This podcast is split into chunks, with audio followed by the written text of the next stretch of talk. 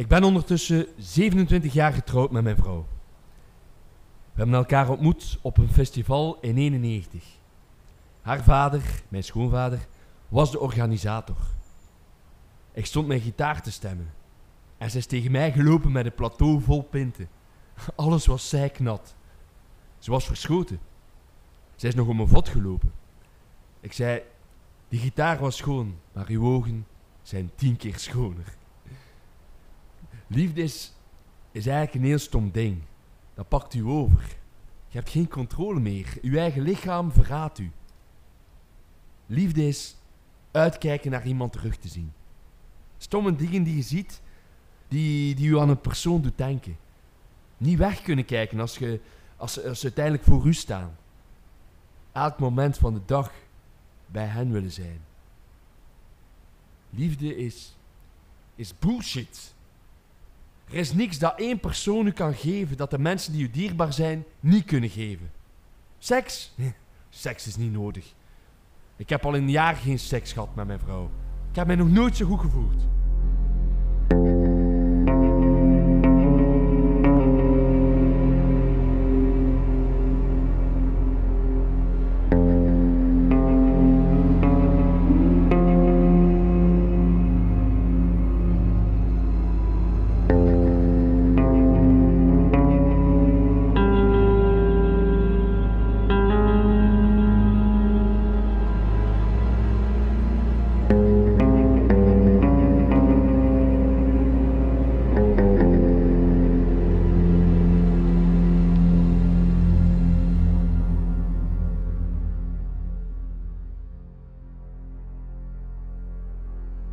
De ochtend na de gefakte aanval van de politie werd de veiligheid in het oord enorm verscherpt. Er patrouilleerden nu constant mensen rond het hek en de poort. Hubert had de angst van een politieinval reëel gemaakt en zijn bewoners opgestookt. De woede en wrok waren grootschalig aanwezig. Victor benaderde Silke en vroeg of ze die dag tijd had om even te praten. Ze stemde in. Tijdens het ochtendstiltemoment gingen ze samen naar een afgelegen stuk van het bos. En hij begon te vertellen. Over Hannes. Over het ongeluk. Over hoe bang hij was geweest. Minutenlang alleen in de auto met zijn stervende broer. Te wachten tot er een auto passeerde die hulp kon bellen. Silke bleef stil en luisterde. Victor praatte meer dan een half uur. Die namiddag, tijdens het middagstiltemoment, schrijft Jade in haar dagboek.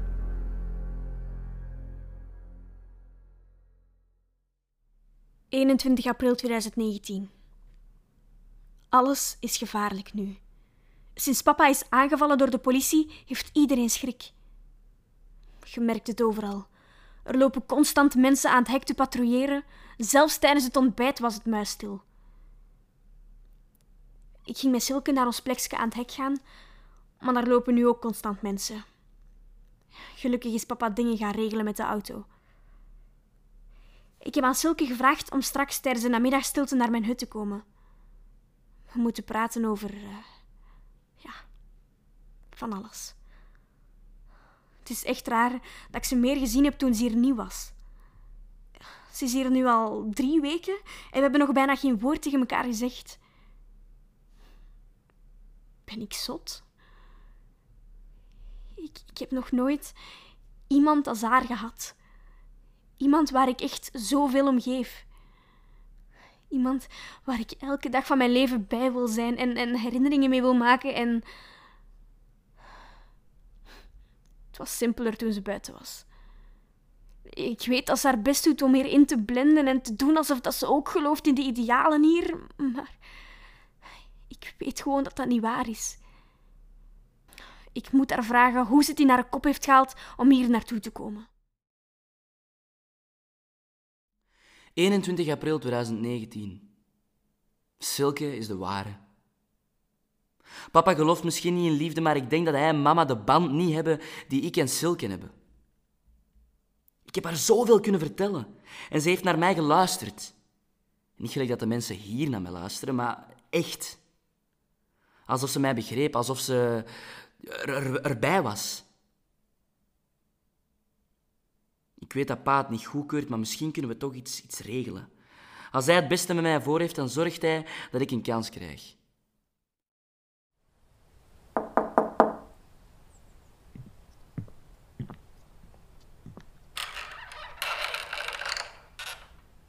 Mag ik binnenkomen?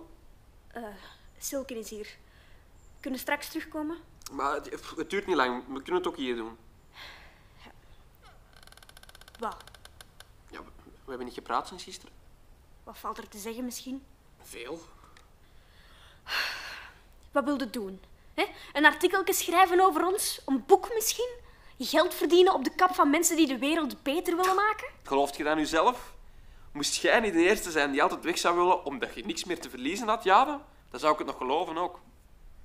De situatie is veranderd. Hoe dan? Olivier, Silke zit te wachten en we hebben echt niet veel tijd, dus... Silke is niet wie je denkt. Wat bedoelde daar nu weer mee? Ik heb ze zien praten daarnet, Silke en Victor. En het leek nogal intiem. Ik weet dat Silke een goede vriendin is van u. En ik heb wel door dat je haar probeert te vermijden als je in elkaar buurt bent.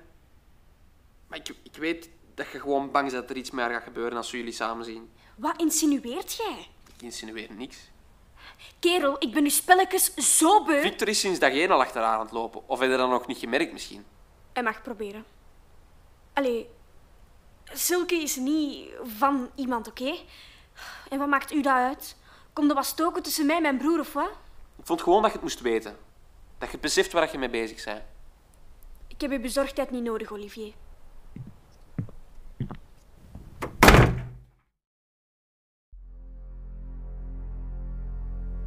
Die avond schrijft Jade opnieuw in haar dagboek. 21 april 2019. Ik ben eindelijk eerlijk geweest. Silke is bij mij gekomen daarnet en we hebben gepraat over alles.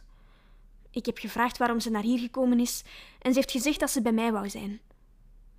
Dat ze origineel gepland had om in de paasvakantie twee weken toe te treden en dan weg te gaan onder het mom dat ze het onderschat had. Maar ze is gebleven. Voor mij ondanks het feit dat ik geen woord tegen haar gezegd heb.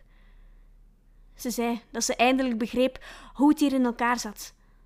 Dat het meer is dan enkel in een bos wonen met een groep mensen. Het heeft haar niet afgeschrikt. Ze zei dat ze een jaar gewacht zou hebben tot ik opnieuw met haar zou praten. Dan is Olivier binnengestormd.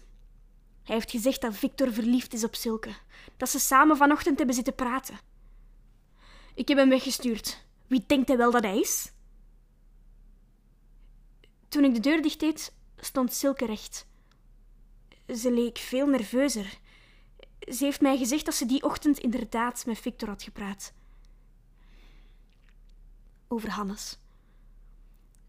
Ze vroeg waarom ik nog nooit over Hannes had gepraat, maar niet eh, beschuldigend. Ik. Ik, kon het niet meer. Ze, heeft, ze heeft mij vastgepakt. Gezegd dat het oké is en dat alles goed komt. En, en dan. Dan hebben we gekust. Ik was zo zenuwachtig, maar ze heeft mij gerustgesteld. Ze zei dat we niks moesten doen dat ik niet wou. Ik wou alles met haar.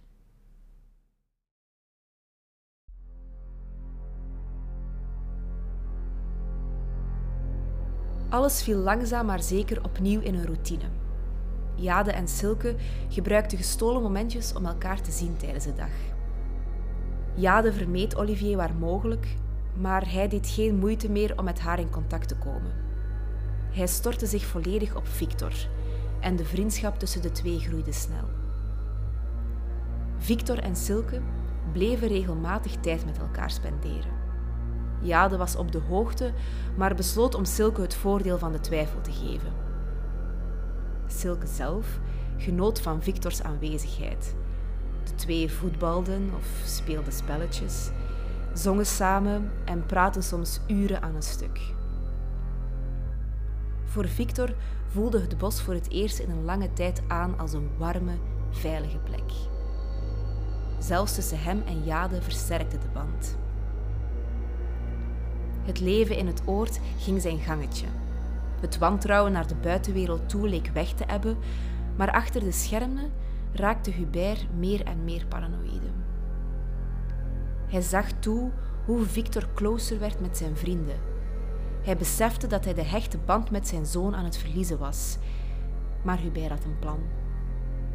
En de eerste stap kwam op de avond van 24 april 2019, de dag voor Victors 21ste verjaardag. Toen Victor ging slapen, zag hij een brief aan de deur van zijn hut hangen. Victor. Binnen een paar uur word je 21. Even oud als Hannes geworden is. Ik zie veel van hem in u. Uw verantwoordelijkheidszin, uw initiatief, uw zorgzaamheid. Ik wil dat je weet hoe ongelooflijk trots ik op u ben. Je bent tien keer de man die ik ooit zal zijn. Het is u nooit makkelijk gemaakt in het leven. Maar je bent altijd sterk gebleven en je hebt altijd willen blijven verder gaan.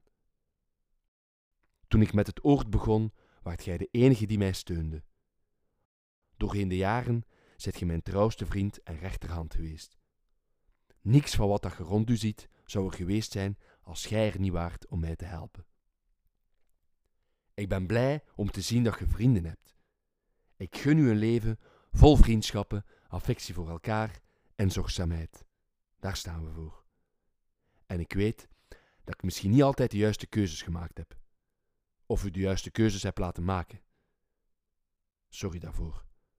Het wordt tijd dat ik u begin te zien als een volwassen man. En niet alleen als mijn zoon. Morgen is het uw dag. Geniet ervan. En vooral, onthoud dat ik u doodgraag zie. Liefs, papa.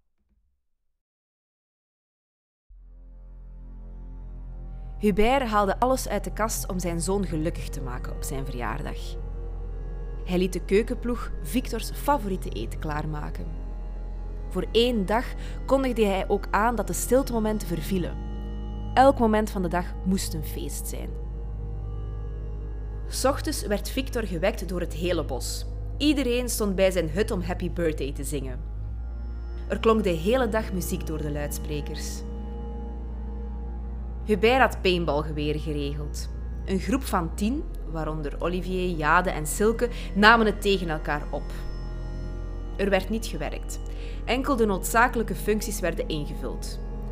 Het hek en de poort waren steeds bewaakt. En er werd gekookt. Al de rest vierde feest. In de namiddag werd er gevoetbald, terwijl de barbecue werd voorbereid. Het was een prachtige, warme dag. Jade bleek een natuurtalent in voetbal. Zij en haar broer gingen meer dan één keer in duel. De competitiviteit tussen broer en zus was groot.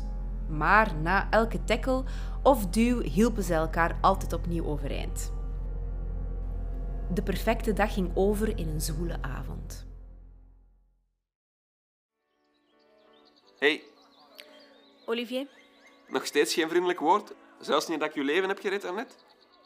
Je hebt een paintball voor mij opgevangen. Heel nobel. Ik hoop dat het hem zeer deed. Waar heb je daar eigenlijk aan verdiend? Ik heb sinds dag één niks anders gedaan dan u proberen helpen en waarschuwen. En weet je nog, hé, als we samen daarop stonden te kijken als uw broer die kerel ineens zat te trappen? Zou dat vergeten misschien? En toch voetbalt je ermee alsof dat u een beste kameraad is. Je bent een even grote hypocriet als ik, Olivier, maar je steekt u weg achter een microotje. Hè? Alsof u allemaal niet raakt. Oké, mijn broer is geen heilige, nee. En mijn vader al zeker niet. Maar jij doet alsof je zijn vriend bent. Jij laat hem u vertrouwen, zodat hij u alles vertelt en van zodra dit allemaal fout afloopt, ga je naar eender welke televisie of krant met een USB-stickje. En dan vliegt mijn broer de bak in. Denk dat ik achterlijk ben? Zo simpel is het niet. Nee? Ga weg. Of deze keer ga ik niet naar mijn pa, maar gewoon rechtstreeks naar Victor. Jij bent misschien zijn kameraad, hè? Maar ik ben zijn zus. Ik win.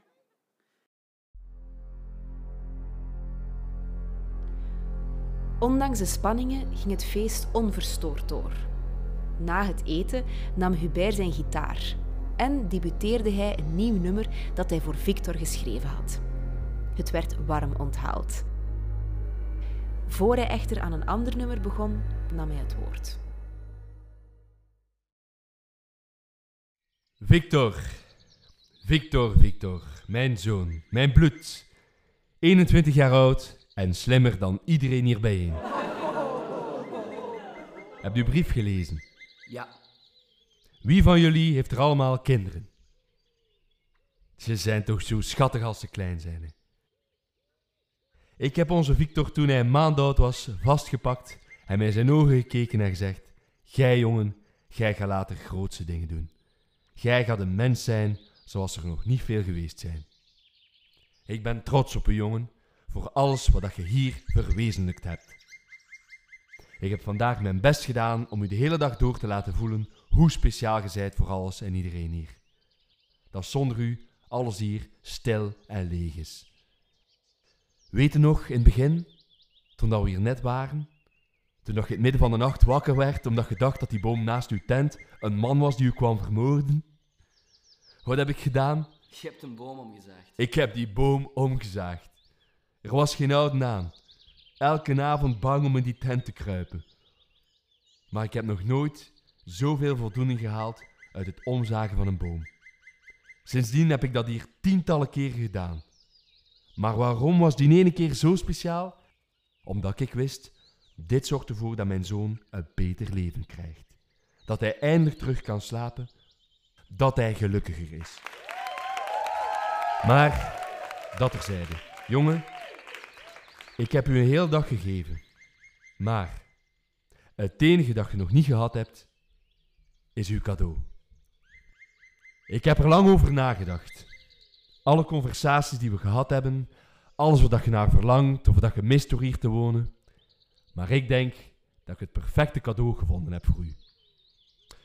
Een paar weken geleden is Victor bij mij gekomen en heeft mij de waarheid verteld over een probleem waar hij al lang mee kampt. Hij wil een voorbeeld zijn voor ieder van jullie. Maar net zoals ons is hij geboren in een maatschappij die hem bepaalde lusten heeft aangemeten. Silke, kun jij een keer naar voren komen, alstublieft? Wat? Schoon, hè? Silke, heeft er u al iemand verteld dat jij een bijzonder mooie jonge vrouw bent? Victor is naar mij gekomen en heeft eigenlijk tegen mij gezegd dat hij, dat hij het een beetje moeilijk vindt. Want, want sinds dat jij hier bent, Silke, is hij eigenlijk stapelverliefd op u geworden. Ik kan niet kwaad zijn op mijn zoon. Dus, Victor, mijn verjaardagscadeau aan u is Silke. Nee, nee. Voor één nacht. Nee, nee, dit kunnen we niet maken. Jade, respect voor het woord. Van mijn lijf. Silke! Respect voor het woord. Gun jij uw broer nu geen één dag zonder dat je altijd in de belangstelling moet staan, Jade? Silke! Ga naar uw hut. Nu. Olivier, ga mee. Zorg dat ze daar blijft. Ja, sorry Hubert. –